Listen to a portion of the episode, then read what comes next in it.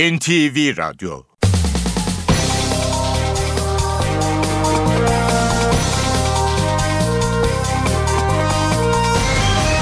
İşe Giderken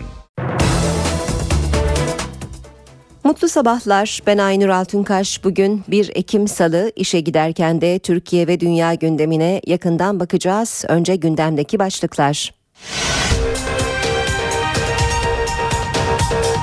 Demokratikleşme paketi Başbakan Recep Tayyip Erdoğan tarafından açıklandı. Paketle seçim barajı tartışmaya açılıyor, kamuda başörtüsü serbest oluyor, ilkokullardaki öğrenci andı uygulaması kaldırılıyor, özel okullarda ana dilde eğitimin önü açılıyor, nefret suçlarına ceza arttırımı geliyor, yaşam tarzına saygı yasal güvenceye alınıyor. CHP lideri Kemal Kılıçdaroğlu ve MHP lideri Devlet Bahçeli demokratikleşme paketiyle ilgili değerlendirmelerini bugün yapacak. Türkiye Büyük Millet Meclisi iki buçuk aylık tatilin ardından bugün açılıyor. Cumhurbaşkanı Abdullah Gül yeni yasama yılı açılış konuşması yapacak. CHP Zonguldak Milletvekili Mehmet Haberal'ın da yemin etmesi bekleniyor.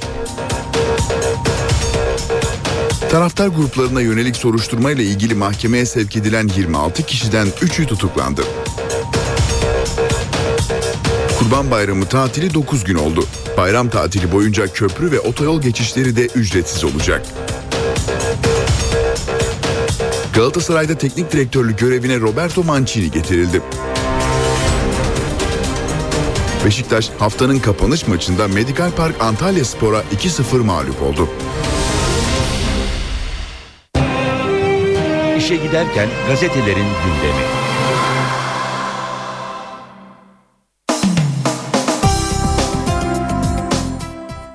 Bugün tüm gazeteler manşetlerine demokratikleşme paketini almış. Önce manşet turu yapalım. Milliyet 18 yeni adım, Hürriyet öncü paket, Zaman özel okullarda Kürtçe eğitim serbest, Yeni Şafak demokrasiye yüksek standart, Star 30 Eylül devrimi, Radikal Demokrasi 1,0 yeni sürüm gelecek. Cumhuriyet Demokrasi sen bekle. Sabah gazetesi de yeni Türkiye için 20 adım diyor manşetlerinde. Şimdi ayrıntılara bakalım. Önce Hürriyet gazetesinden aktaralım.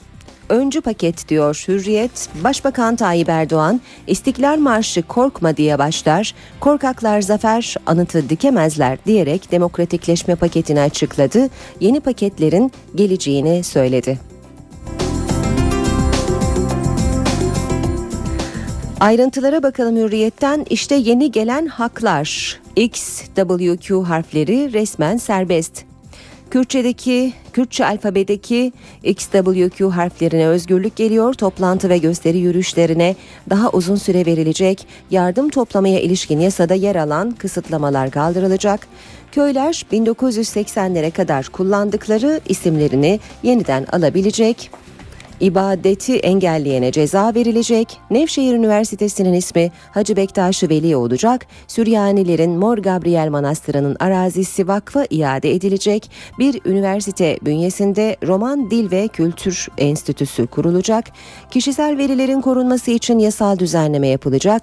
Ayrımcılıkla mücadele ve eşitlik kurulu oluşturulacak. Siyasi partilere üye olma olanakları genişletilirken Türk Silahlı Kuvvetleri mensupları hakim ve savcılar için yasak sürecek. Tüzüğünde varsa iki kişiden fazla olmamak kaydıyla partilerde eş başkanlık olacak. Herkes oy isterken kendi dilinde propaganda yapabilecek diyor Hürriyet gazetesi ayrıntılarda. Seçim sistemine 3 alternatif başlığını da görüyoruz. %10 baraj uygulanan mevcut sisteme devam. Barajı %5'e çekip 5'li gruplandırmayla daraltılmış bölge sistemi, ülke barajını tamamen kaldırarak dar bölge seçim sistemi şeklinde sıralanıyor. Bu 3 alternatif ve andımız artık yok. İlkokullarda sabah okunan Türküm diye başlayan ant artık okunmayacak. Farklı dil ve lehçelerde ana dil eğitimi sadece özel okullarda yapılabilecek. Devam edelim gazetelerden demokratikleşme paketleri ile ilgili paketi ile ilgili haberleri aktarmaya. Milliyet de 18 yeni adım diyor manşette. 14'ü yasa 4'ü idari işlemle yapılacak diye de not düşülmüş habere. Başbakan Erdoğan merakla beklenen demokratikleşme paketini özel bir sunumla açıklarken korkaklar zafer anıtı dikemez, yenilikten korkan ilerleyemez dedi. Muhalefet beğenmedi. CHP, MHP ve BDP'den gelen ilk tepkilere yer vermiş Milliyet. CHP Genel Başkan Kılıçdaroğlu görüşlerini bugün basın toplantısıyla açıklayacak.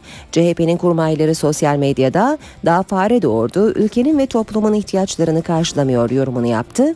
MHP Grup Başkan Vekili Vural, Başbakan sürekli PKK'nın önünde eğiliyor bu paket PKK dayatmasıdır derken Genel Sekreter Büyük Ataman PKK talep etti, AKP gereğini yerine getirdi yorumunu yaptı. BDP eş başkanı Kışan Aksa paketin sorunu çözme kapasitesi olmadığını belirtse de andımız eş başkanlık, ana dilde propaganda ve gösteri düzenlemesi konularında Başbakan Erdoğan'a teşekkür etti deniyor Milliyet'in haberinde. Devam edelim Sabah gazetesiyle yeni Türkiye için 20 adım demiş Sabah gazetesi de daha çok özgürlüğe ve daha ileri demokrasiye doğru büyük hamle üst başlığı kullanılmış. Başbakan Erdoğan'ın açıkladığı tarihi demokratikleşme paketinde 16 yasal değişiklik ve 4 idari düzenleme yer alıyor diyor Sabah gazetesi de. 3 madde başka pakete kaldı. Demokratikleşme paketi için dün sabaha kadar süren toplantının perde arkasında şunlar var diyor Sabah. Üç önemli madde için daha titiz ve detaylı çalışma yapılması kararı alındı. Alevi ve Cemevi açılımının yanı sıra ruhban okulu ve yerel yönetimlerle ilgili düzenlemeyi öngören bu maddeler olgunlaşınca yeniden gündeme getirilecek. Devam edelim gazetelerden aktarmaya. Habertürk gazetesi demokrasiye bir adım daha demiş manşetinde. Başbakan Erdoğan demokratikleşme paketini açıkladı. Alevi paketi daha sonra deniyor.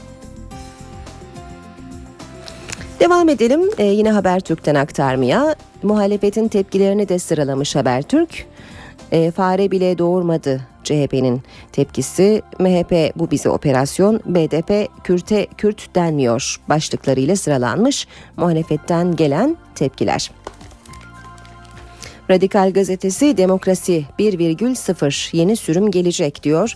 Başbakan Erdoğan'ın açıkladığı demokrasi paketinden seçim barajı için iki yeni alternatif kamuda başörtüsüne özgürlük, özel okulda Kürtçe eğitim çıktı. Heybeli Ada ve Alevilere yönelik açılımların yeni sürümde ele alınması bekleniyor denmiş Radikal'in de haberinde. Star 30 Eylül devrimi diyor.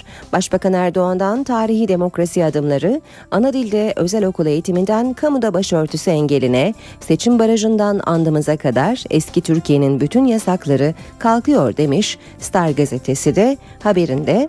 Bu arada Türkiye'den manzaralar görüyoruz. Edirne, Diyarbakır ve Erzurum'da kahvehanelerde Başbakan Erdoğan'ın açıklamasını izleyen vatandaşları gösteren fotoğraflar yer almış haberde.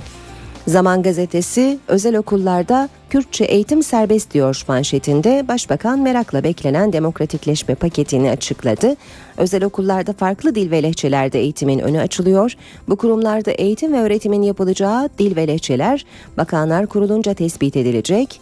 Kamuda başörtüsü yasağı kaldırılıyor. Türk Silahlı Kuvvetleri emniyet mensuplarıyla hakim ve savcılar hariç tutuldu. Seçim sistemi değişikliği ile ilgili 3 seçenek gündemde. %10 barajıyla devam edilebilir. Baraj %5'e çekilip daraltılmış bölge ya da baraj tamamen kaldırılarak dar bölge seçim sistemine geçilebilir. Ayrımcılık ve nefret suçlarında ceza artıyor. Kişinin dili, ırkı, milliyeti, cinsiyeti, siyasi düşüncesi, dini veya mezhebi nedeniyle işlenen suçların cezası ağırlaşacak. İlkokullardaki öğrenci andı kaldırılacak diyor. Zaman gazetesi de haberinde. Yeni Şafak'ta da Devlet özüne döndü. Sür manşeti var. Demokratikleşme paketini açıklamak için kameraların karşısına geçen Başbakan Erdoğan, düzenlemelerin Türkiye'yi prangalarından kurtaracak önemli bir aşama olduğunu söyledi. Erdoğan, Türkiye artık demokrasi istikametinde ilerlemektedir. Devlet aslına rücu etmiştir dedi. Manşette de demokrasiye yüksek standart başlığı var. Başbakanın Türkiye'nin ulaştığı seviyenin tezahürü diye nitelediği demokratikleşme paketi sokaktan devlet dairelerine, siyasi partilerden okullara, günlük hayattan özel hayata daha çok özgürlük getirecek yapılacak 28 değişiklikle Türkiye ileri demokrasiye bir adım daha atacak diyor Yeni Şafak gazetesi. Aleviler için ayrı paket başlığını görüyoruz. Nevşehir Üniversitesi'ne Hacı Bektaş Veli adının verilmesi Aleviler tarafından sevinçle karşılandı. Ancak Alevilerle ilgili başka düzenleme olmaması soru işaretlerine neden oldu. Eleştirilere cevabı Başbakan Yardımcısı Bekir Bozdağ verdi. Bozdağ çalışmaları devam eden Alevi açılımının daha sonra kamuoyuna açıklanacağını söyledi. AK Parti Genel Başkan Yardımcısı Hüseyin Çelik'te cemevleriyle ilgili bir çalışma var dedi. Ve Cumhuriyet Gazetesi ile bitirelim. Bu bölümü demokrasi sen bekle diyor Cumhuriyet manşette Erdoğan'ın hazırladığı paketten demokratikleşme değil oy hesabı çıktı demiş. Gazete Erdoğan'ın gazetecilere soru yasağıyla açıkladığı demokratikleşme paketi çözüm süreci beklentilerine sınırlı yanıt verecek düzenlemeler içeriyor. Farklı dilde eğitimin özel okullarda verilmesi öngörülürken WQX yasağı kalkıyor. BDP'ye hazine yardımının önü açılıyor. Kamuda türban serbest kalıyor andımız kaldırılıyor demiş Cumhuriyet gazetesi. Her yol AKP'ye çıkıyor başlığını da görüyoruz. Erdoğan doğrudan seçim barajını düşürmek yerine AKP'ye yarayacak 3 sistem önerdi diye de devam ediyor haber. Şimdi gündeme yakından bakacağız. İşe giderken de gündem demokratikleşme paketi. Daha açıklanmadan bile tartışmalara yol açan demokratikleşme paketini dün Başbakan Tayyip Erdoğan kamuoyuna duyurdu. Paket siyasetten eğitime pek çok başlıkta düzenlemeler içeriyor. Önce siyasetle ilgili maddelere bakalım. Paket seçim barajı için 3 farklı alternatif sunuyor. Kürtçe propagandanın da önü açılıyor. Bir tek seçenek sunmuyoruz. Üç farklı alternatifi tartışmaya açıyoruz. Mevcut sistemle yani yüzde on barajıyla devam edebiliriz. Bu birincisi. İki, barajı yüzde beşe çekip beşli gruplandırmayla daraltılmış bölge seçim sistemini uygulayabiliriz. Üçüncü seçenek olarak da ülke barajını tamamen kaldırarak dar bölge seçim sistemini getirebiliriz.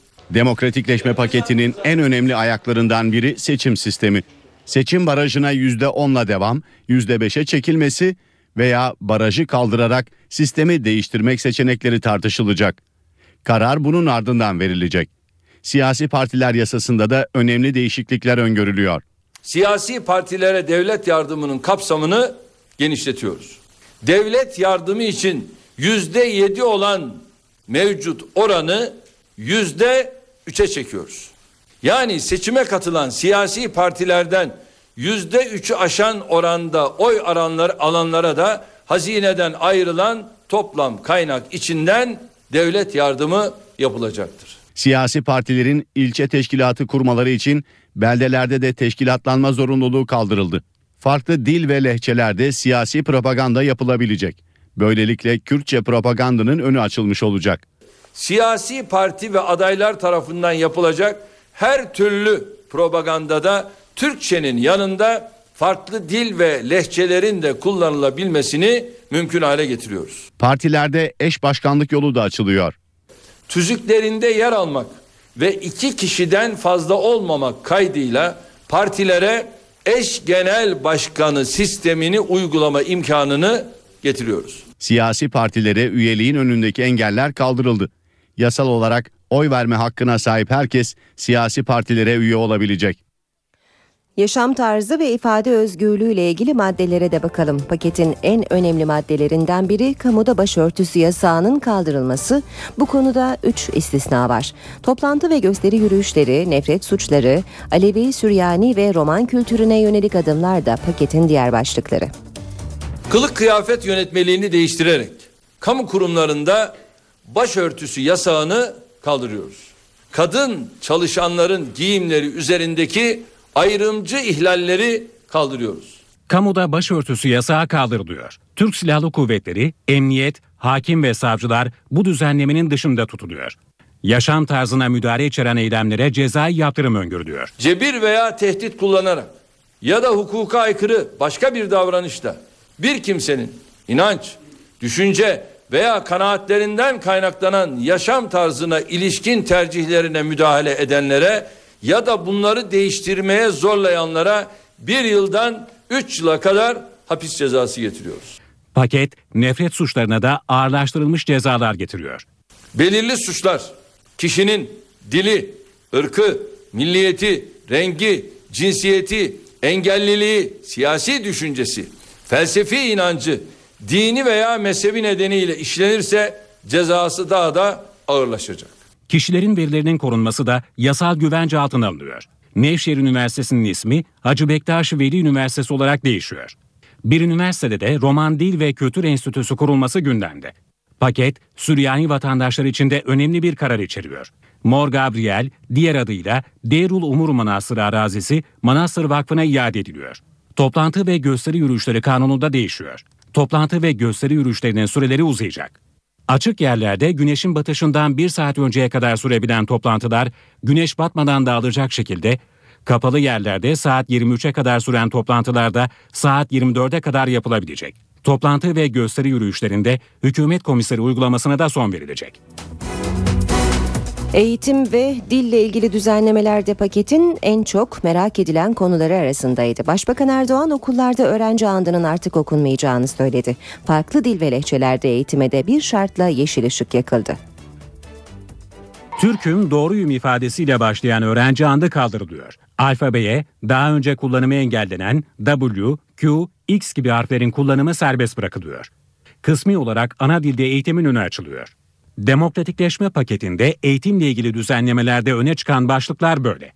İlkokullardaki öğrenci andı uygulamasını kaldırıyoruz. Geçen yıl ortaokullarda bu uygulamayı kaldırmıştık. Şimdi de ilkokullarda bu uygulamaya son veriyoruz. Türk Ceza Kanunu'nda belirli harflerin kullanılmasından dolayı var olan cezai müeyyideyi kaldırıyoruz. Çok tartışılan ana dilde eğitime serbestlik tanınmadı. Ancak programları Milli Eğitim Bakanlığı'nca belirlenmek kaydıyla özel okullar için esneklik getirildi. Özel okullarda farklı dil ve lehçelerde eğitim verilmesini mümkün hale getiriyoruz. Özel eğitim kurumları kanunu hükümlerine tabi olmak üzere farklı dil ve lehçelerde özel öğretim kurulu kurumu açılabilecek. Bu kurumlarda eğitim ve öğretimin yapılacağı dil ve lehçeler bakanlar kurulunca tespit edilecek. Bu okullarda da belli dersler Türkçe olarak okutulacaktır. Köylere de artık tarihi isimleri İçişleri Bakanlığı'nın onayıyla verilebilecek. Köy isimlerinin değiştirilmesinin önündeki yasal engeli kaldırıyoruz. Köylerin 1980'lere kadar kullandıkları tarihi isimlerini yeniden almasını mümkün hale getiriyoruz. İl ve ilçe isimlerinin değiştirilmesi pakette yer almadı. Ancak bu yöndeki talepler de süreç içinde dikkate alınacak. Şimdi muhalefete bakalım. BDP eş başkanı Gülten Kışanak ve Demokratik Toplum Kongresi eş başkanı Ahmet Türk paketin beklentilere yanıt vermediğini söyledi. Bu paketin sorun çözme kapasitesi yoktur. Bu paketin demokratik çözüm sürecinde yaşanan tıkanıklığı aşma kapasitesi yoktur. Halkın ihtiyaçlarına binaen hazırlanmış bir paket değil, AKP'nin ihtiyaçlarını karşılamak üzere hazırlanmış bir pakettir. Bir demokratikleşme paketi değil, bir seçim paketidir. Biz bu paketi onaylamıyoruz. Bu paketi yeterli bulmuyoruz. Bu paketin toplumsal barışa katkı sunacağına da inanmıyoruz. Evet küçük şeyler var. Zaten bunlar toplumun vicdanında meşru olan şeylerdir. CHP ve MHP temsilcilerinden gelen ilk tepkiler de olumsuz yönde. MHP Kütahya Milletvekili Alim Işık ve CHP Konya Milletvekili Atilla Kart'ın görüşleri. Maalesef Türk milletinin beklentisi hiçbir şey çıkmadı. 30 yıldır PKK'nın Türk milletine dayatarak yapamadıklarını AKP sayesinde yaptığını görüyoruz. İçi zehir, dışı tatlandırılmış bir elmalı şeker diyebiliriz. Halktan korkanların, vatandaştan korkar hale getirenlerin getirebilecekleri demokratikleşme paketine ben itibar edemiyorum. İnandırıcı bulmuyorum, tutarlı bulmuyorum. Muhalefetin demokratikleşme paketiyle ilgili eleştirilerine hükümet adına sözcü Bülent Arınç cevap verdi. Bakanlar Kurulu toplantısının ardından konuşan Arınç, Başbakanın açıklamalarının hemen ardından yapılan bir anketin sonuçlarını da paylaştı. Şu ana kadar aldığımız haber şudur. Türkiye'nin bütün illerinde halkın nabzı tutulmuştur. Ve yüzde 75 paket olumlu karşılanmıştır. Demokratikleşme paketi açıklanır açıklanmaz hükümet Türkiye genelinde bir anket çalışması yaptırdı. Anket sonuçlarını hükümet sözcüsü Bülent Arınç Bakanlar Kurulu toplantısı sonrasında açıkladı. Açıklamaların genelde çok olumlu karşılandığını şu ana kadar edinebildiğimiz istihbaratta öğrenmiş bulunuyoruz. Olumsuzlukların içerisinde Hacı Bektaş Üniversitesi var ama Alevi olarak şunları da bekliyorduk. Onlar niye yok gibi kısmi eleştiriler var. Arınç'a demokratikleşme paketiyle ilgili muhalefetten gelen eleştiriler de soruldu. Milliyetçi Hareket Partisi yarınki grup toplantısında genel başkan noktasında açıklama yapacaktır. Ama bugün onun adına hareket eden grup başkan vekili PKK'nın bu işten ne kadar karlı çıktığını ve onun diretmesiyle böyle bir paketin kabul edildiğini söylemek gafletine düşüyor. Aradaki çelişkiye lütfen bakar mısınız? Şimdi bugün BDP kanadından yapılan açıklamalara bakılırsa bu paket tamamen içi boştur. Laiklik elden gidiyor. irtica hortladı. Bilmem kim göreve yetişin öldük bittik sesleri şu ana kadar çıkmadı benim duyabildiğim kadarıyla. Neden? Çünkü Türkiye'de demokrasi kültürü yerleşti. Bakanlar Kurulu toplantısında demokratikleşme paketinin ne zaman hayata geçirileceği de masaya yatırıldı. Arınç, kamuda başörtüsü serbestisi, öğrenci andının kaldırılması gibi idari düzenlemelerin birkaç gün içinde hayata geçeceğini söyledi. Diğer kanuni değişikliklerin de yılbaşına kadar meclisten geçirilmesi planlanıyor. CHP lideri Kemal Kılıçdaroğlu ve MHP lideri Devlet Bahçeli demokratikleşme paketiyle ilgili değerlendirmelerini bugün yapacak. Basın toplantısı düzenleyecek olan CHP liderinin Türkiye Büyük Millet Meclisi'nin açılış gününde basına kapalı bir grup toplantısı da yapabileceği öğrenildi. MHP lideri Devlet Bahçeli de bugün partisinin meclis grubunu toplayacak.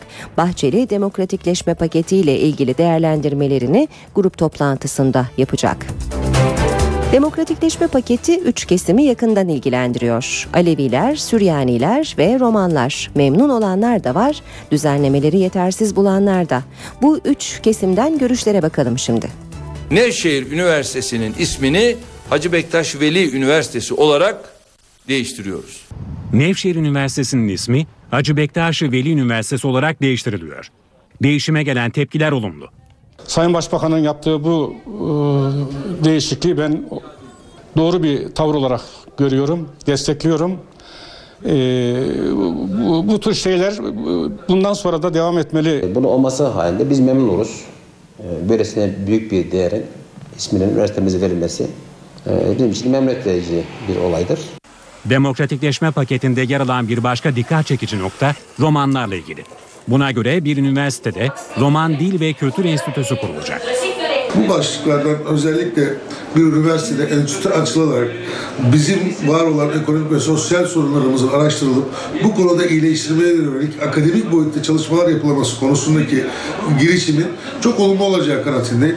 Pakette Türkiye'de yaşayan Süryaniler için de sevindirici bir haber var.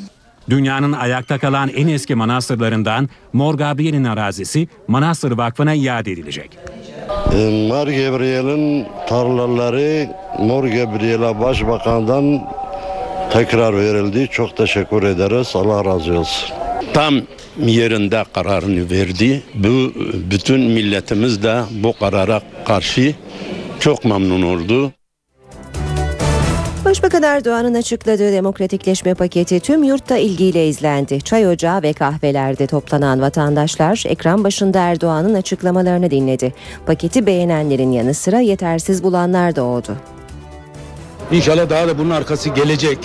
Öyle tahmin ediyorum. Çünkü onun söylediğine göre e, daha bu bitmedi diyor. Bu bir açılımdır. Beklentimiz bu. Yani çok memnun. Demokratikleşme paketini yeterli bulan da var, eksiklerin olduğunu söyleyenler. Başbakan Recep Tayyip Erdoğan kürsüye çıktığında pek çok kişi televizyonlarının başındaydı. Kıraathaneler ve çay bahçelerinde toplananlar paketin ayrıntılarını pür dikkat dinledi. bir çalışmayı her şeye rağmen iyimserim. Ee, başlangıç kısmında Sayın Başbakan'ın bir şeye vurgu yapması son derece önemliydi. Bu bir son değildir, bu bir süreçtir ve bu süreç devam edecektir şeklinde. Doğu ve Güneydoğu iyimser.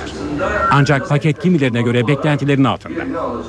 Ama kendi içerisinde e, öncekinden daha ileri olan e, öğeleri taşıyan, olguları taşıyan bir e, paket de olmuştur.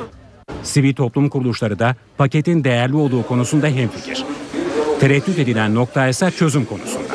Bu paketin çok ciddi bir reform niteliğinde olmadığını ama demokratikleşme yolunda atılmış mütevazı bir adım olarak gördüğümüzü ifade etmek isterim. Yani bardağın dolu tarafı olduğu tartışma götürmez. Bu da son derece değerlidir. Ee, Ancak tarihsel yüzyıllık sorunlarını çözmek için e, atılan e, adıma denk düşmüyor diyebilirim. Demokratikleşme paketi Başbakan Recep Tayyip Erdoğan tarafından açıklandı. Paketle seçim barajı tartışmaya açılıyor, kamuda başörtüsü serbest oluyor, ilkokullardaki öğrenci andı uygulaması kaldırılıyor, özel okullarda ana dilde eğitimin önü açılıyor, nefret suçlarına ceza arttırımı geliyor, yaşam tarzına saygı yasal güvenceye alınıyor. CHP lideri Kemal Kılıçdaroğlu ve MHP lideri Devlet Bahçeli demokratikleşme paketiyle ilgili değerlendirmelerini bugün yapacak. Türkiye Büyük Millet Meclisi iki buçuk aylık tatilin ardından bugün açılıyor. Cumhurbaşkanı Abdullah Gül yeni yasama yılı açılış konuşması yapacak. CHP Zonguldak Milletvekili Mehmet Haberal'ın da yemin etmesi bekleniyor. Taraftar gruplarına yönelik soruşturma ile ilgili mahkemeye sevk edilen 26 kişiden 3'ü tutuklandı. Kurban Bayramı tatili 9 gün oldu. Bayram tatili boyunca köprü ve otoyol geçişleri de ücretsiz olacak. Galatasaray'da teknik direktörlük görevine Roberto Mancini getirildi.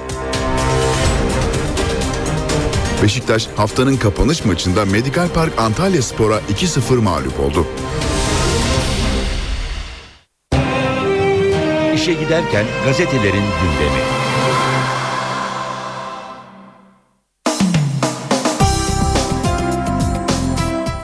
Gazetelerde tüm manşetler demokratikleşme paketine ayrılmış. Manşet turu yapalım. Ardından da spor haberlerine bakacağız. Milliyet gazetesi 18 yeni adım diyor. Başbakan Erdoğan merakla beklenen demokratikleşme paketini özel bir sunumla açıklarken korkaklar zafer anıtı dikemez, yenilikten korkan ilerleyemez dedi.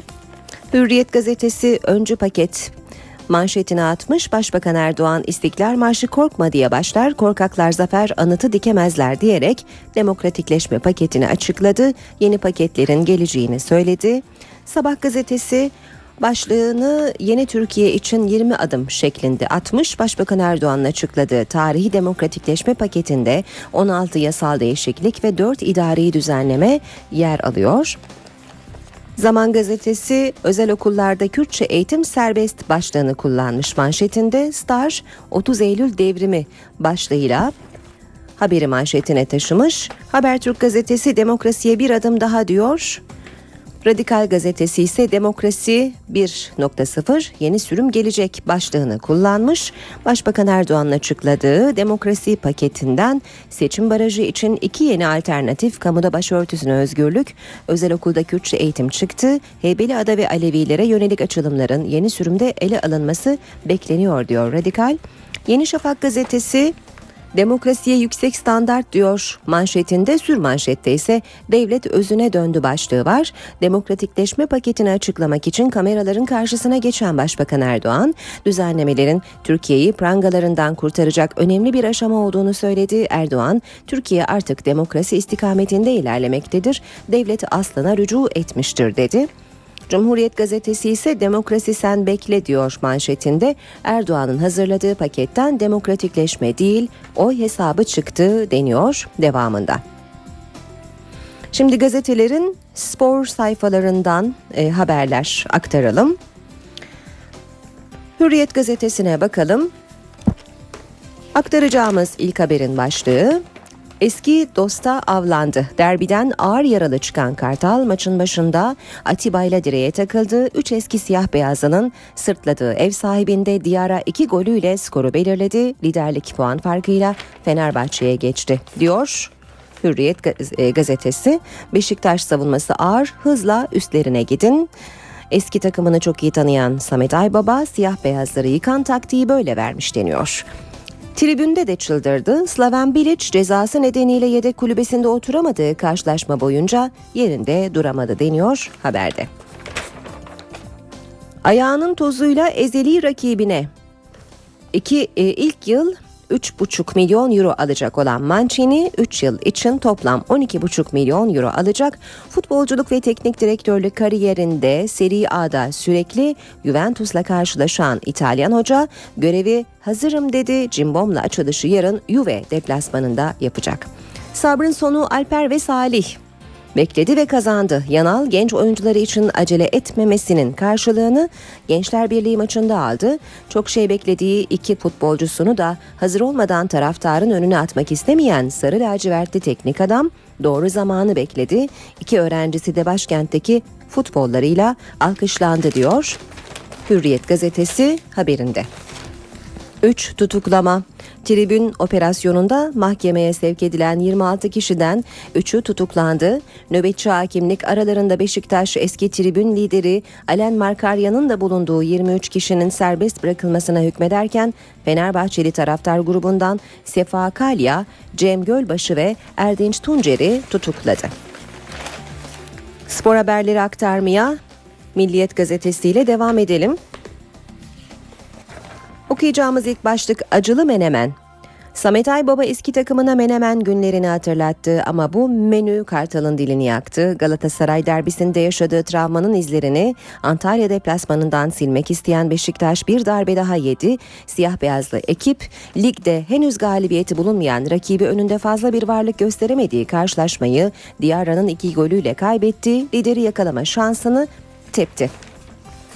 Bir diğer başlık yeni patron Mancini. Galatasaray Başkanı Ünal Aysal dün ikinci kez pazarlık masasına oturduğu İtalyan teknik adama 3 yıllık resmi sözleşme imzalattı diyor. Milliyet gazetesi de Sarı Kırmızılı takımda görevden alınan Fatih Terim'in yerine Mancini getirildi. 3 yılda 12,5 milyon euro garanti ücret ödenecek. 48 yaşındaki çalıştırıcı ayrıca başarıya endeksli bonus alacak. Mancini yarın Juventus maçında takımın başında sahaya çıkacak. Ben değil biz kazandık. Gençler Birliği maçı sonrası soyunma odasında yöneticiler dahil olmak üzere herkesin kendisine tebrik ettiğini gören Dirk Kuyt'ın bu galibiyette sadece benim değil bütün takımın katkısı var. Bugün benim golümle sonuca gittik. Yarın başkası olur. Önemli olan Fenerbahçe'nin başarısı dediği öğrenildi diyor Milliyet gazetesi haberinde. Ve Fener sahnede başlığıyla bitirelim bu bölümü. Obradovic'i takımın başına getiren Kleyza, Bilika, Zoric gibi yıldızları transfer eden Fenerbahçe Ülker ilk resmi sınavını bugün başlayacak Spor Toto Türkiye Kupası eleme grubu karşılaşmalarında verecek Sarı Lacivertliler Tofaş'la karşılaşacak. Spor haberleri aktardık. Gündeme yakından bakmaya devam edelim. İşe giderken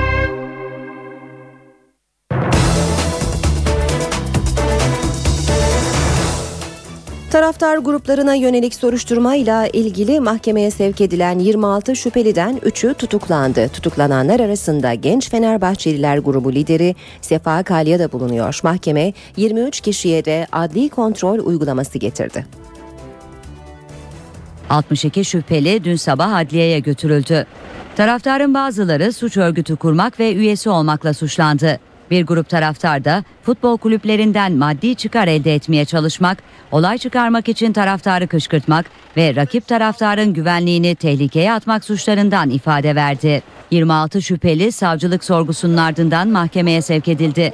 36 kişi serbest bırakıldı. Mahkeme Genç Fenerbahçeliler grubu lideri Sefa Kalya ile birlikte 3 kişinin tutuklanmasına karar verdi. Aralarında Beşiktaş taraftar grubu çarşının kurucularından Alen Markarya'nın da bulunduğu 23 kişi serbest kaldı. Serbest bırakılanlar hakkında adli kontrol şartı ve yurt dışına çıkış yasağı getirildi. Adli önünde şüphelilere destek için bekleyen taraftar grupları arasında çıkan gerginliğin büyümesini polis engelledi. Bu arada 22 Eylül'de oynanan Beşiktaş Galatasaray derbisinde çıkan olaylarla ilgili dün gözaltına alınan 11 kişi serbest bırakıldı. Olaylı maçın ardından görüntüleri incelemeyi sürdüren polis 11 şüpheliyi daha belirledi. Gözaltına alınarak sağlık kontrolünden geçirilen 9 şüpheli Asayiş Şube Müdürlüğü'ne, 18 yaşından küçük 2 kişi ise Çocuk Şube Müdürlüğü'ne götürüldü. 11 kişi sorguların ardından serbest bırakıldı. Artık statlara girerken yüz tanıma teknolojisiyle kara listedekileri otomatik olarak saptamak mümkün olacak. Yeni sistemin 20'den fazla statta kullanılması bekleniyor. Altyapı hazır. Sistem yakında uygulamaya geçecek. Sistem Türkiye'de ilk kez düzenlenen yangın ve güvenlik fuarında görücüye çıktı. Yüz tanıma sistemiyle artık kara listedekiler stada giremeyecek. Yeni sistemle tarama otomatik olarak yapılacak. Kişi biletini okutup içeri girmeye çalıştığında ekrana kişinin fotoğrafı düşüyor. Ve oradaki güvenlik memuru gözle kontrol yapıyor. Bu kartı okutulan kişiyle ekranda görünen kişi aynı mıdır? Tamamıyla oradaki personelin inisiyatifine kalmış bir e, manuel bir kontrol. Siz hiçbir manuel kontrol gerek kalmadan kameraya bakıyorsunuz ve eğer kara listedeyseniz sistem sizi otomatikman algılıyor ve içeri girişinizi engelliyor. Yeni sistem yakında uygulamaya geçecek. En son yaşanan olaylardan dolayı bir hızlanma süreci var. Biz de bu süreci yakından takip ediyoruz. Hani belki önümüzdeki hafta, belki bir ay sonra hani ne zaman start derlerse biz hazır kurulumu bekliyoruz. İlgili firma yetkililerinin e, sözlerini dinledik. Kurban Bayramı tatilinin süresi belli oldu. Açıklamayı Bakanlar Kurulu sonrası Başbakan Yardımcısı Bülent Arınç yaptı. 14 Ekim Pazartesi Arefe günü öğleye kadar kamu personeli yarım gün idari izinli sayılacaktır.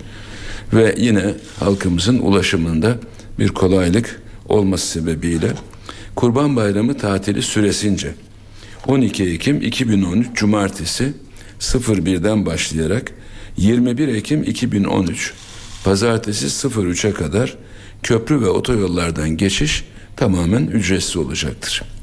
Yani bu Kurban Bayramı dolayısıyla uzunca bir sürenin tatil olarak kararlaştırıldı ve bu süre içerisinde de her zaman yaptığımız gibi köprü ve otoyollardan geçişin halkımız için ücretsiz yapılacağını ifade etmek istiyorum. Kurbanlık hayvanları taşıyan kamyonlar da İstanbul'a gelmeye başladı. Tırlar ve kamyonlar gişelerde önce hayvan sevk noktasına yönlendirildi. İstanbul Büyükşehir Belediyesi'ne bağlı ekipler ve polis ekipleri araçlarda inceleme yaptı. Hayvan sahiplerinin belgeleri de kontrol edildi. Kurbanlıkları taşıyan araçlar daha sonra kurban pazarlarına doğru yol aldı. Yalova'da ağır tonajlı bir vinç feribotu çökertti. O anda feribota girmeye çalışan kamyon denize düştü. Topçular iskelesindeki ağır tonajlı vinç içinde bir otobüs ve iki otomobilin bulunduğu feribota çıktı. Ancak ağırlık nedeniyle feribotun arka kısmı suya gömüldü. Vincin arkasından feribota girmeye çalışan kamyon suya düştü. Ölen ya da yaralanan olmadı ama kamyon kurtarılana kadar feribottan inemeyen yolcular 5 saat beklemek zorunda kaldı. İşe giderken 83 yaşında hayata veda eden yazar, bürokrat, akademisyen Turgut Özakman son yolculuğuna uğurlandı. Ankara'daki cenaze töreninde Meclis Başkanı Cemil Çiçek ve CHP lideri Kemal Kılıçdaroğlu da vardı.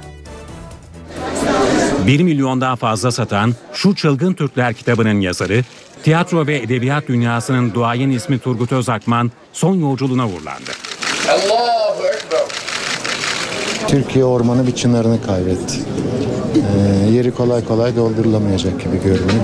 Çanakkale Savaşı'ndan Cumhuriyet'in kuruluş yıllarına kadar uzanan çalışmalarıyla tanınan Özakman 83 yaşındaydı. Kalp yetmezliği nedeniyle hayata veda eden Özakman için Ankara Kocatepe Camii'nde cenaze töreni düzenlendi. Türk Edebiyatı için, Türk tiyatrosu için çok büyük bir kayıp.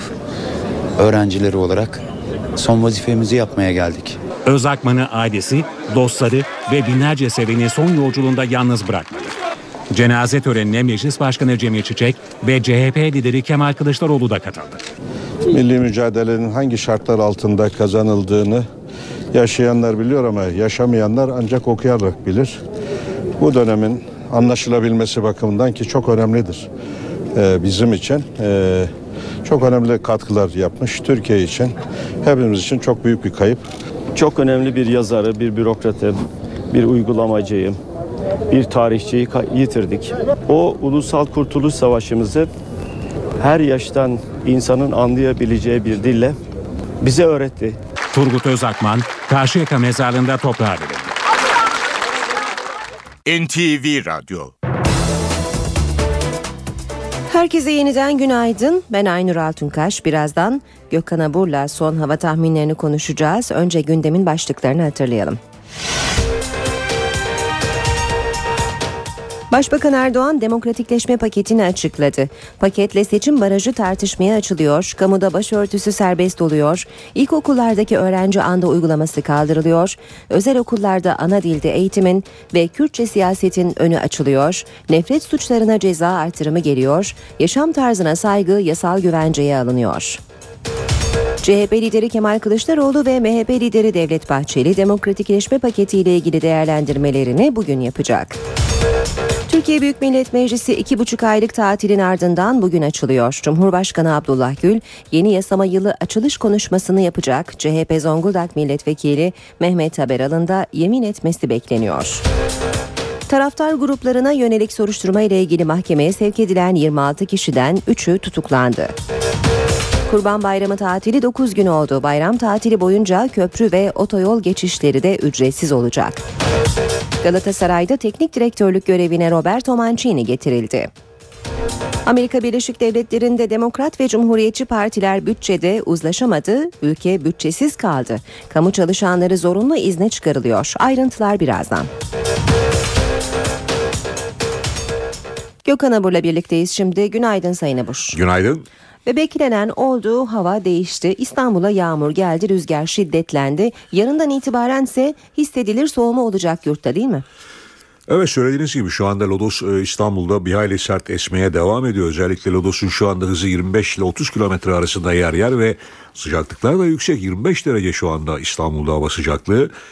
İlerleyen saatlerde rüzgar e, yine güneyli yönlerden batı bölgelerde kuvvetli esmeye devam edecek. Ama batı dün akşamdan itibaren yağışlı havanın etkisi altına girdi ki şu an itibariyle özellikle Marmara'nın güneyi e, Trakya'da Edirne Çanakkale arasındaki bölge, Bandırma Balıkesir arasındaki bölge, İzmir'in kuzey kesimleri kuvvetli yağışlar etkisi altında. Ayvalık, e, Edremit Körfezi başta olmak üzere Ayvalık'ta da yağışlar aralıklarla devam ediyor ki ilerleyen saatlerde bu yağışlar daha da kuvvetlenecek. Çünkü akşama doğru rüzgar karayere dönecek.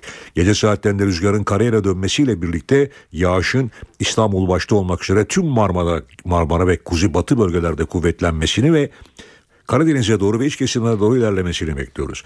Evet bu geceden itibaren sıcaklıklar 8-10 derece birden azalacak. Bu da mevsim ortalamalarının bir ayla altında olan bir değer. Trakya'da başlayacak bu azalış Batı Karadeniz bölgesi İç Anadolu bölgesini etkisi altına alacak ve haftanın ikinci yarısı hemen hemen tüm ülkede sıcaklıklar hissedilir derecede düşecek. Ve bu soğuk ve yağışlı hava hafta başına kadar etkisini sürdürmeye devam edecek. Her ne kadar e, haftanın ikinci yarısı Ege'de ve Akdeniz'de yağışlar kesilse de soğuk hava etkisini sürdürmeye haftanın ikinci yarısı da bölgede devam edecek. Evet bizleri bugün için bekleyen hava koşulları böyle. Ben İstanbul'u vurgulamak istiyorum. Çünkü şu an itibariyle İstanbul'un özellikle Avrupa yakasında yağış başladı. Yer hafif olarak yağış var. Hava çok kapalı. Ee, rüzgar öyle saatlerinde keşifleme dediğimiz e, Güneydoğu'ya dönecek ama gece karayel var. Gece karayelle birlikte tekrar İstanbullular uyarıyorum. Henüz evden çıkmadıysanız evet gün içinde sıcaklıklar yüksek ama çok geç dönecekseniz üşüyebilirsiniz. Çok geç dönecekseniz çok fazla ıslanabilirsiniz. O bakımdan yanınızda şemsiye taşımayı unutmayın ve yarından itibaren de tedbirli olun diyorum. Ankara'da ise ilerleyen saatlerde yağış bekliyoruz. Ankara'da bugün için beklediğimiz hava sıcaklığı yine yüksek değerlerde 26 derece. Ankara'da sıcaklıklar yarından sonra azalmaya başlayacak. İzmir'de ise yağmur giderek kuvvetlenecek. Rüzgar şiddetleniyor. Sıcaklık ise bugün için gündüz 25 gece ise 18 derece civarında olacak. Bizleri bekleyen koşullar genellikle böyle diyorum. Yazın bir provasını yapacağımız günlere yaklaşıyoruz. Ee, kışın bir provasını evet, yapacağımız evet. günlere yaklaşıyoruz. Bastırma yazımı gelecek. Daha Yoksa... var önümüzdeki hafta ama tahmin ediyorum ki bayram akşamda hava daha iyi olacak gibi gözüküyor şu anda. Ama bu hafta oldukça soğuk. Peki teşekkür ediyoruz. İşe giderken gazetelerin gündemi.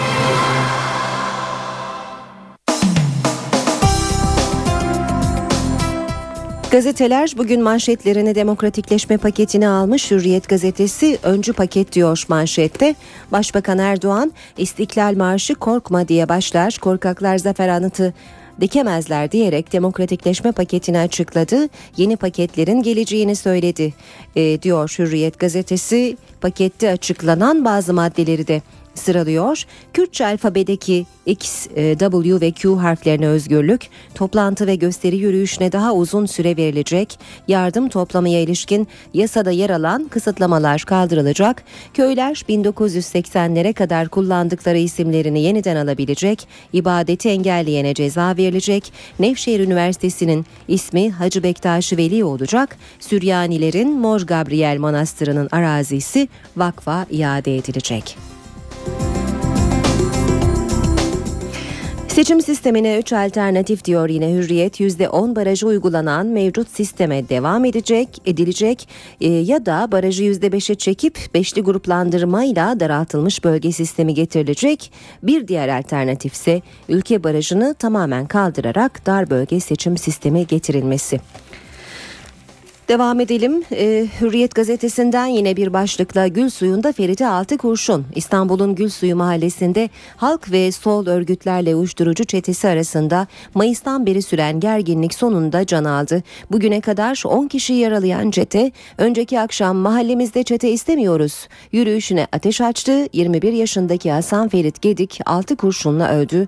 4 yaralı var. 300 polis sabah mahalleye girdi. Elebaşı dahil 17 kişi yakalandı. 12'de tabanca ele geçirildi. Milliyet gazetesiyle devam edelim. 18 yeni adım diyor Milliyet manşette. Başbakan Erdoğan merakla beklenen demokratikleşme paketini özel bir sunumla açıklarken korkaklar zafer anıtı dikemez, yenilikten korkan ilerleyemez dedi.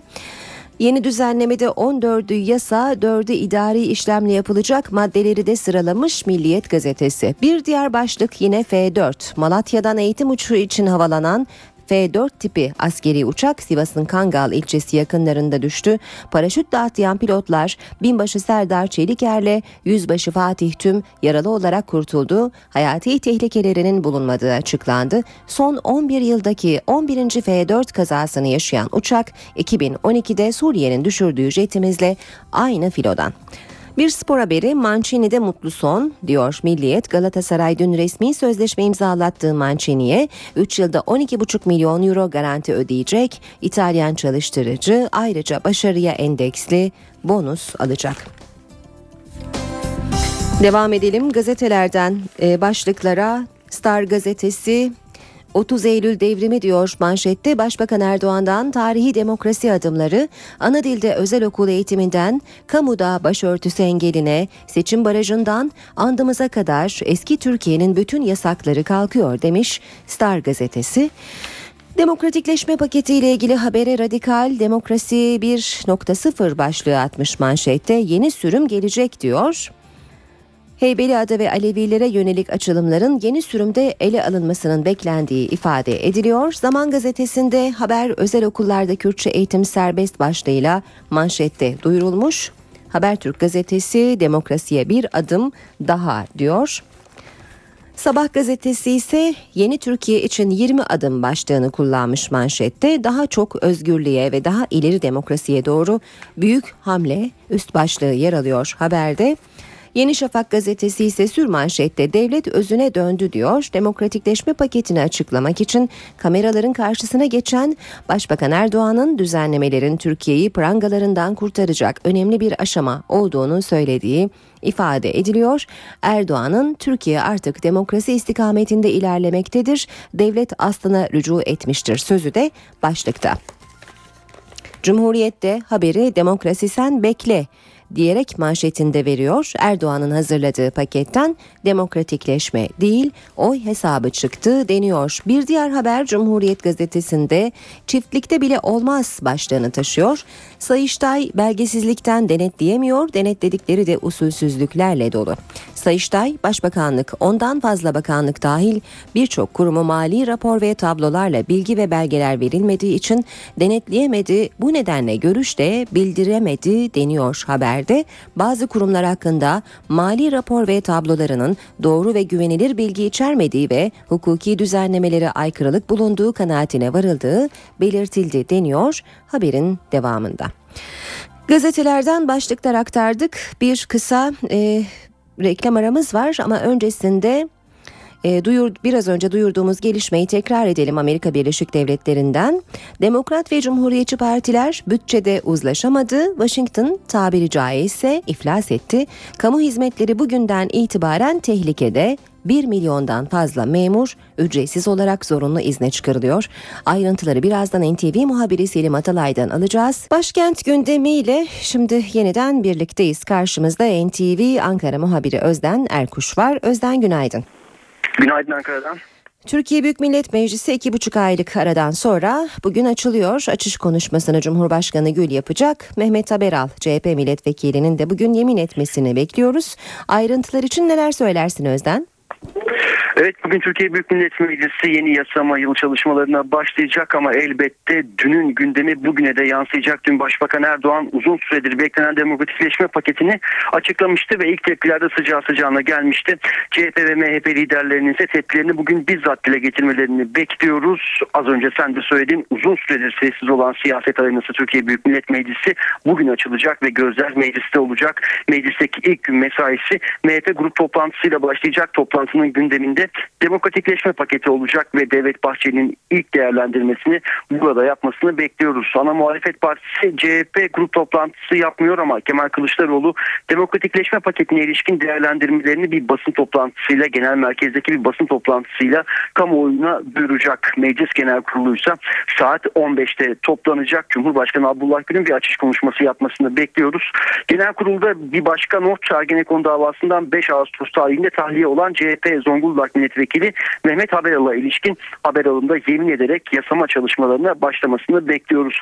Mehmet Haberal yemin edecek ama CHP'nin bir diğer milletvekili Mustafa Balbay hala cezaevinde.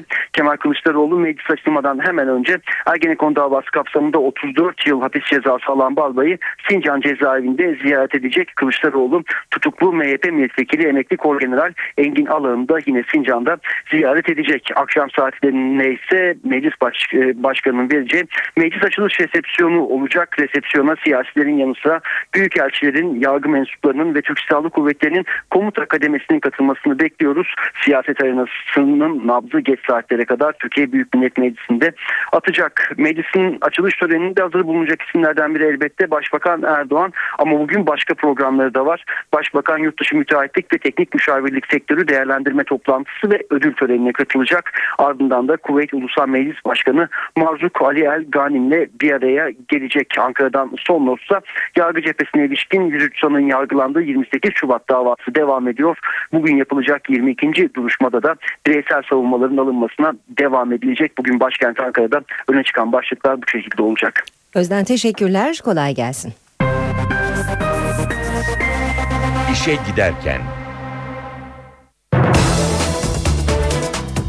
Ve dünya piyasalarını etkileyebilecek bir haber var sırada. Amerika Birleşik Devletleri'nde korkulan oldu. Demokrat ve Cumhuriyetçi partiler bütçede uzlaşamadı. Yorumlar Washington iflas etti ya da Amerikan devleti kapandı şeklinde. Kamu hizmetleri bugün duracak. Yaklaşık 1 milyon memur ücretsiz olarak zorunlu izne çıkarılıyor. Ayrıntılar NTV New York temsilcisi Selim Atalay'da.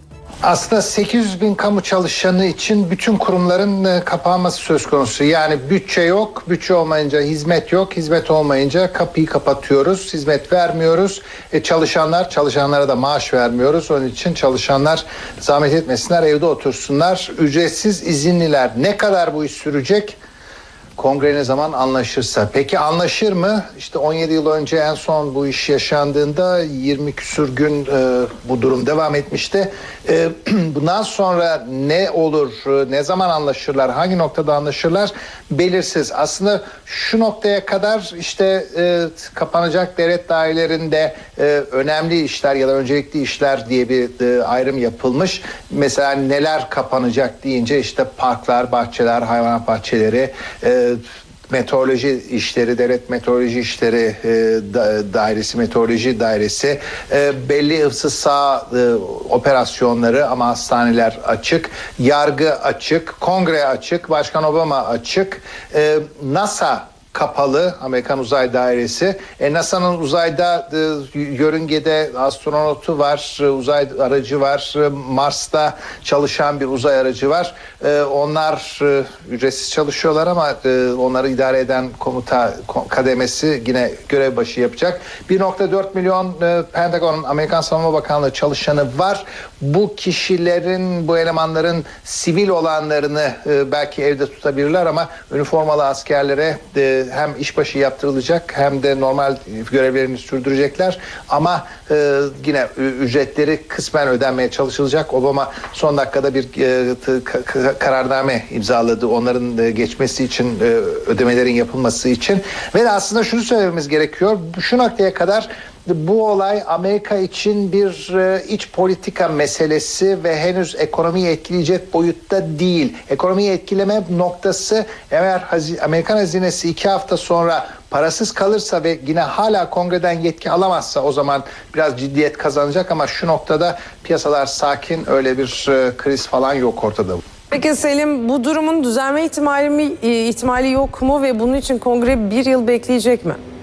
Bir yılı beklemesi gerekmiyor. Yani kongre aslında yarın sabah şu an bile e, ortalıkta dolaşıyor kongre üyeleri ama yarın sabah senato tekrar toplanacak. E, burada önemli olan iki tarafın anlaşacağı bir kanun metninin e, çıkarılması. iki kanattan da aynı metnin çıkması gerekiyor. E, her gün konuşacak gibiler birbirlerini suçlayarak tabii ki ve bir noktada e, pes edecekler ve uzlaşacaklar diye umut ediliyor ve de umut asıl şu Amerikan hazinesinin parası bitmeden 15-17 Ekim ya da işte o araya gelmeden e, hazinenin e, temerrüde düşme riski var. Çünkü o zaman Amerikan hazinesi ödemelerini yapamazsa o zaman e, ciddi sorun çıkacak demektir piyasalarda ama şu noktada e, siyaset bekliyor, e, kamuoyu izliyor, e, piyasalar sakin. E, çok uzarsa ama hava değişebilir. Selim Atalay piyasalar sakin dedi. Hemen piyasalara bakalım biz de. Ee, BIST 100 endeksi dün 285 puan azalışta %0,38 oranında değer kaybederek 74.486 puandan kapanmıştı. Bu sabah serbest piyasada dolar 2 lira 2 kuruş, euro 2 lira 73 kuruştan güne başladı. Euro dolar paritesi 1.35, dolar yen paritesi 98 düzeyinde seyrediyor. Serbest piyasada e, rakamlar bu şekilde. Uluslararası piyasada ise altının onsu 1328 dolar, kapalı çarşıda külçe altının gramı 86, Cumhuriyet altını 565, çeyrek altın 141 liradan işlem görüyor. Brent petrolün varili ise 108 dolar. İşe giderken. Son dönemde ard arda indirim yapılan benzin fiyatlarında bu kez zam haberi geldi. Benzinin litre fiyatına gece yarısından itibaren geçerli olmak üzere 11 kuruş zam yapıldı. Zam sonrasında 95 oktan benzinin litre fiyatı 4 lira 76 kuruştan 4 lira 87 kuruşa yükseldi. 2012 yılının en çok vergi ödeyen ünlüler listesi açıklandı. Birinci sırada Acun Ilıcalı yer aldı. İstanbul Vergi Dairesi Başkanlığı 2012 yılında en çok vergi ödeyen sanatçı ve ünlülerin listesini yayımladı. En çok vergi ödeyen 25 kişinin ismi açıklanırken bunlardan 5'i isminin gizli kalmasını istedi. Vergi listesinde ilk sırayı 4,6 milyon lirayla Acun Ilıcalı aldı. Ardından 3,5 milyon lirayla vergi ödeyen Cem Yılmaz, 3. sırayı 2,2 milyon lira vergi ödeyen Seda Sayan aldı. Listede 4. sırada Beyazıt Öztürk, 5. sırada Ajda Pekkan, 6. sırada Kıvanç Tatlıtuğ, 8. sırada da Şafak Sezer yer aldı. İlk 10 içinde yer alan iki sanatçı isimlerinin gizli tutulmasını istedi. Orta Doğu Teknik Üniversitesi'ndeki yol tartışmasında uzlaşma sağlandı. Üniversite kampusu doğu batı yönünde ikiye bölüneceği için eylemler başlamıştı. Bakanlık el koydu, yol yerin altından geçecek. Orta Doğu Teknik Üniversitesi'nde tepkilere yol açan yol projesinde uzlaşma sağlandı. Çevre ve Şehircilik Bakanlığı, üniversite kampüsünü doğu batı yönünde ikiye böleceği için tepki çeken yol için geliştirilen 2 kilometrelik tünel projesini onayladı. Bakan Erdoğan Bayraktar, Ankara Büyükşehir Belediyesi ve ODTÜ rektörlüğüyle ayrı ayrı toplantılar yapıldığını ve tüm kurumların mutabakatıyla ODTÜ'nün imar planına son halinin verildiğini açıkladı. Ankara'da böyle başka bir tünel yok. Tünel sayesinde ODTÜ'nün kampüs bütünlüğüne bitki ve ağaç dokusuna zarar verilmeyecek. Üniversitenin Bilkent çıkışıyla 100. yılda tünel çıkışlarında kavşaklar oluşturulacak. Orada daha sonra Büyükşehir Belediyesi ile ODTÜ beraber çalışarak yol yapım aşamasını düzenleyecekler. Tünelin yapım maliyeti ise 100 milyon lirayı bulacak. Bakan Bayraktar, Anadolu Bulvarı'nın devamı olarak ODTÜ arazisinin doğu kesiminden geçecek yolla ilgili de %100 mutabakat sağlandığını vurguladı. Yol, kampüsün doğu sınırına teğet sayılan bir noktadan geçecek. Büyükşehir Belediyesi buradaki ağaçların büyük kısmını taşıyacak. Yerine yeni ağaçlandırma yapılacak. 8 ilde düzenlenen kaçakçılık operasyonunda 20'si asker 48 kişi gözaltına alındı. Jandarma Suriye sınırından gelen gümrük kaçağı malzemeyi piyasaya sürdüğü belirlenen kişilere yönelik ihbarları değerlendirdi. Ocak ayından bu yana 8 ilde şüpheliler takibi alındı. 400 jandarma personelinin katılımıyla Gaziantep merkezli düzenlenen eş zamanlı operasyonda 20'si asker 48 kişi gözaltına alındı. Gözaltındakilerden ikisi jandarmadaki ifadelerinin ardından serbest kaldı. 46 kişi ise kaçakçılık ve rüşvet suçlamalarından adliyeye sevk edildi. Başbakan Erdoğan demokratikleşme paketini açıkladı. Paketle seçim barajı tartışmaya açılıyor, kamuda başörtüsü serbest oluyor, ilkokullardaki öğrenci andı uygulaması kaldırılıyor, özel okullarda ana dilde eğitimin ve Kürtçe siyasetin önü açılıyor, nefret suçlarına ceza artırımı geliyor, yaşam tarzına saygı yasal güvenceye alınıyor. CHP lideri Kemal Kılıçdaroğlu ve MHP lideri Devlet Bahçeli demokratikleşme paketiyle ilgili değerlendirmelerini bugün yapacak. Türkiye Büyük Millet Meclisi iki buçuk aylık tatilin ardından bugün açılıyor. Cumhurbaşkanı Abdullah Gül yeni yasama yılı açılış konuşması yapacak. CHP Zonguldak Milletvekili Mehmet Haberal'ın da yemin etmesi bekleniyor. Taraftar gruplarına yönelik soruşturma ile ilgili mahkemeye sevk edilen 26 kişiden 3'ü tutuklandı. Kurban Bayramı tatili 9 gün oldu. Bayram tatili boyunca köprü ve otoyol geçişleri de ücretsiz olacak. Galatasaray'da teknik direktörlük görevine Roberto Mancini getirildi. Amerika Birleşik Devletleri'nde Demokrat ve Cumhuriyetçi partiler bütçede uzlaşamadı. Ülke bütçesiz kaldı. Kamu çalışanları zorunlu izne çıkarılıyor.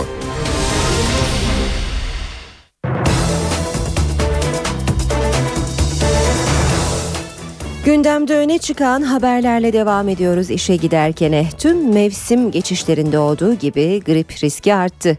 Peki nasıl korunuruz? Kulak burun boğaz hastalıkları uzmanı operatör doktor Süreyya Şeneldir'in tavsiyeleri haberimizde. Yazdan kışa geçiş dönemi, sonbahar ayları grip salgınının en yoğun olduğu zaman. Hapşırma, burun akıntısı, ateş ve halsizlik gripin en temel belirtileri. Vücudumuz, bedenimiz hatta alışkanlıklarımız yaza göre programlanmışken birden havaların soğuması, havadaki nem miktarının değişmesiyle kolaylıkla üst solunum yolları enfeksiyonlarına yakalanabiliyoruz. Okul kreş sezonunun açılması, kalabalıkların toplu taşıma araçlarını daha yoğun bir şekilde doldurması gibi sebeplerle de hızlıca yayılma söz konusu. Grip sanılanın aksine hapşırıktan daha çok temasla bulaşıyor. Bu nedenle gripli insanlardan uzak durmak korunmanın ilk şartı. Peki geçiş dönemini hastalanmadan atlatmak için başka neler yapılabilir? Özellikle toplu taşıma araçlarında kolcuklara dokunan nezle griplilerden bulaşabilir. Oradan direkt temasla bulaşabilir. Klima onların nem oranlarını, ayarlarını kışa göre düşürmek lazım. Mevsimine göre beslenmek gribi e, vücut direncimizi e, yükselterek olumlu yönde etkileri dirençli kazandırır. Gripten korunmanın bir yolu da aşı. Ancak uzmanlar aşıyı herkese tavsiye etmiyor. Kronik problemi olan hastaların, yaşlıların ve bazı özel meslek gruplarının şu an tam zamanı geliyor. Muhakkak ve muhakkak grip aşılarını olmaları gerekiyor. Tanesi 20 lirayı aşınca gözler palamuta çevrildi. Peki palamut neden bu yıl az? İlerleyen günlerde fiyatlar düşer mi? NTV ekibinden Korhan Varol palamutun izini sürdü. 30 yılın en kısır sezonunu yaşıyoruz diyebilirim. Balık tezgahındaki etiket palamutun tanesinin 20 liradan satıldığını gösteriyor. Ne alan var ne satan. Peki balık sezonu açıldığı halde neden palamut bu kadar pahalı? Suların sıcak olmasından dolayı balık yaygın toplanmadı. Tahmin ediyorum 10 gün içinde falan Halkımız çok cüzi şekilde her balığı cüzi şekilde yiyecek. Erdoğan Bayraktar kaptanla palamutun peşine Karadeniz'e açılıyoruz. Usta gözler balığın izini sürüyor. İşaret gelince de balıkçı deyimiyle mola ediliyor. Palamut sürüsünün etrafı ağlarla çevriliyor.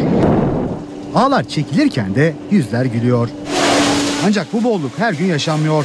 Balıkçı zaten az olan balığı yakalamak için her gün daha çok yol gidiyor. Sonra da balığın fiyatı tezgahlara böyle yansıyor. Sezon itibariyle hani geçen seneye göre kıyaslama yapıldığı için bu sene yarı yarıya fiyat farkı var. Geçen zaman bu dönemlerde aynı ebatta palamutları 5 lira 6 lira satışımız vardı. Bu sene 15 lira 13 lira 14 lira. Balıkçılar yine de balığın bollaşacağı umuduyla açılmaya, avlanmaya devam ediyor.